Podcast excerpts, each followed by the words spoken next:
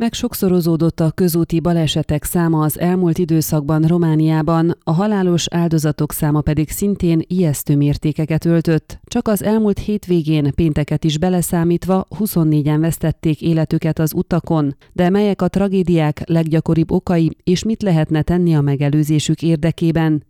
Múlt pénteken kilencen, szombaton öten, vasárnap pedig tizen vesztették életüket a romániai utakon, de azelőtt és azóta is egymást érik a közúti balesetekről szóló hírek. Noha a nyár, a járványügyi lazítások és a kirándulások magyarázatként szolgálhatnak a megnövekedett forgalomra, fontos a türelem megőrzése, hiszen odafigyeléssel és megelőző vezetői magatartással elejét lehetne venni a tragédiáknak. A Hargita megyei rendőrfőkapitányság részéről Mária Plumbu árult el részleteket meg megkeresésünkre a balesetek fő kiváltó okairól, illetve ajánlásokat is megfogalmazott a közlekedés résztvevői számára. Mint kifejtette, Hargita megyében is érezhető az országos növekvő tendencia, ezt statisztikai adatok is bizonyítják, míg különböző kihágások miatt 2019-ben 74 súlyos baleset történt, amelyekben 8-an vesztették életüket, idén július 28-áig már 43 súlyos balesetet és 5 halálos áldozatot jegyeztek.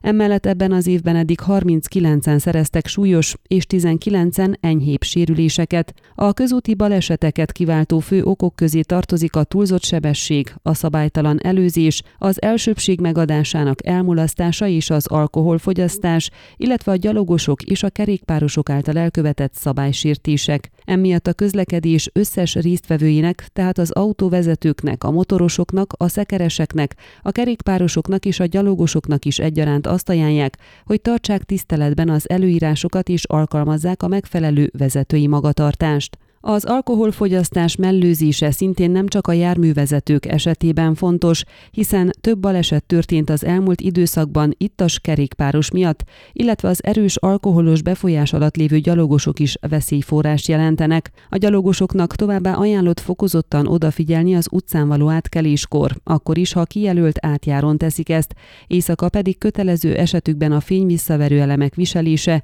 ugyanez igaz egyébként a biciklisekre és a szekeresekre is. A rendőrség egyébként rendszeresen ellenőrzéseket folytat az utakon a balesetek megelőzése érdekében. Főként a gyorshajtást próbálják visszaszorítani, hiszen ez fokozott veszélyforrást jelent, egy szabálytalan előzés vagy az elsőbség megadásának elmulasztása miatt történt baleset is sokkal súlyosabbá válik, ha az érintett járművek túlzott sebességgel közlekednek az ütközés pillanatában. Ön a Székelyhon aktuális podcastjét hallgatta. Amennyiben nem akar lemaradni a régió életéről a jövőben sem, akkor iratkozzon fel a csatornára, vagy keresse podcast műsorainkat a székelyhon.pro portálon.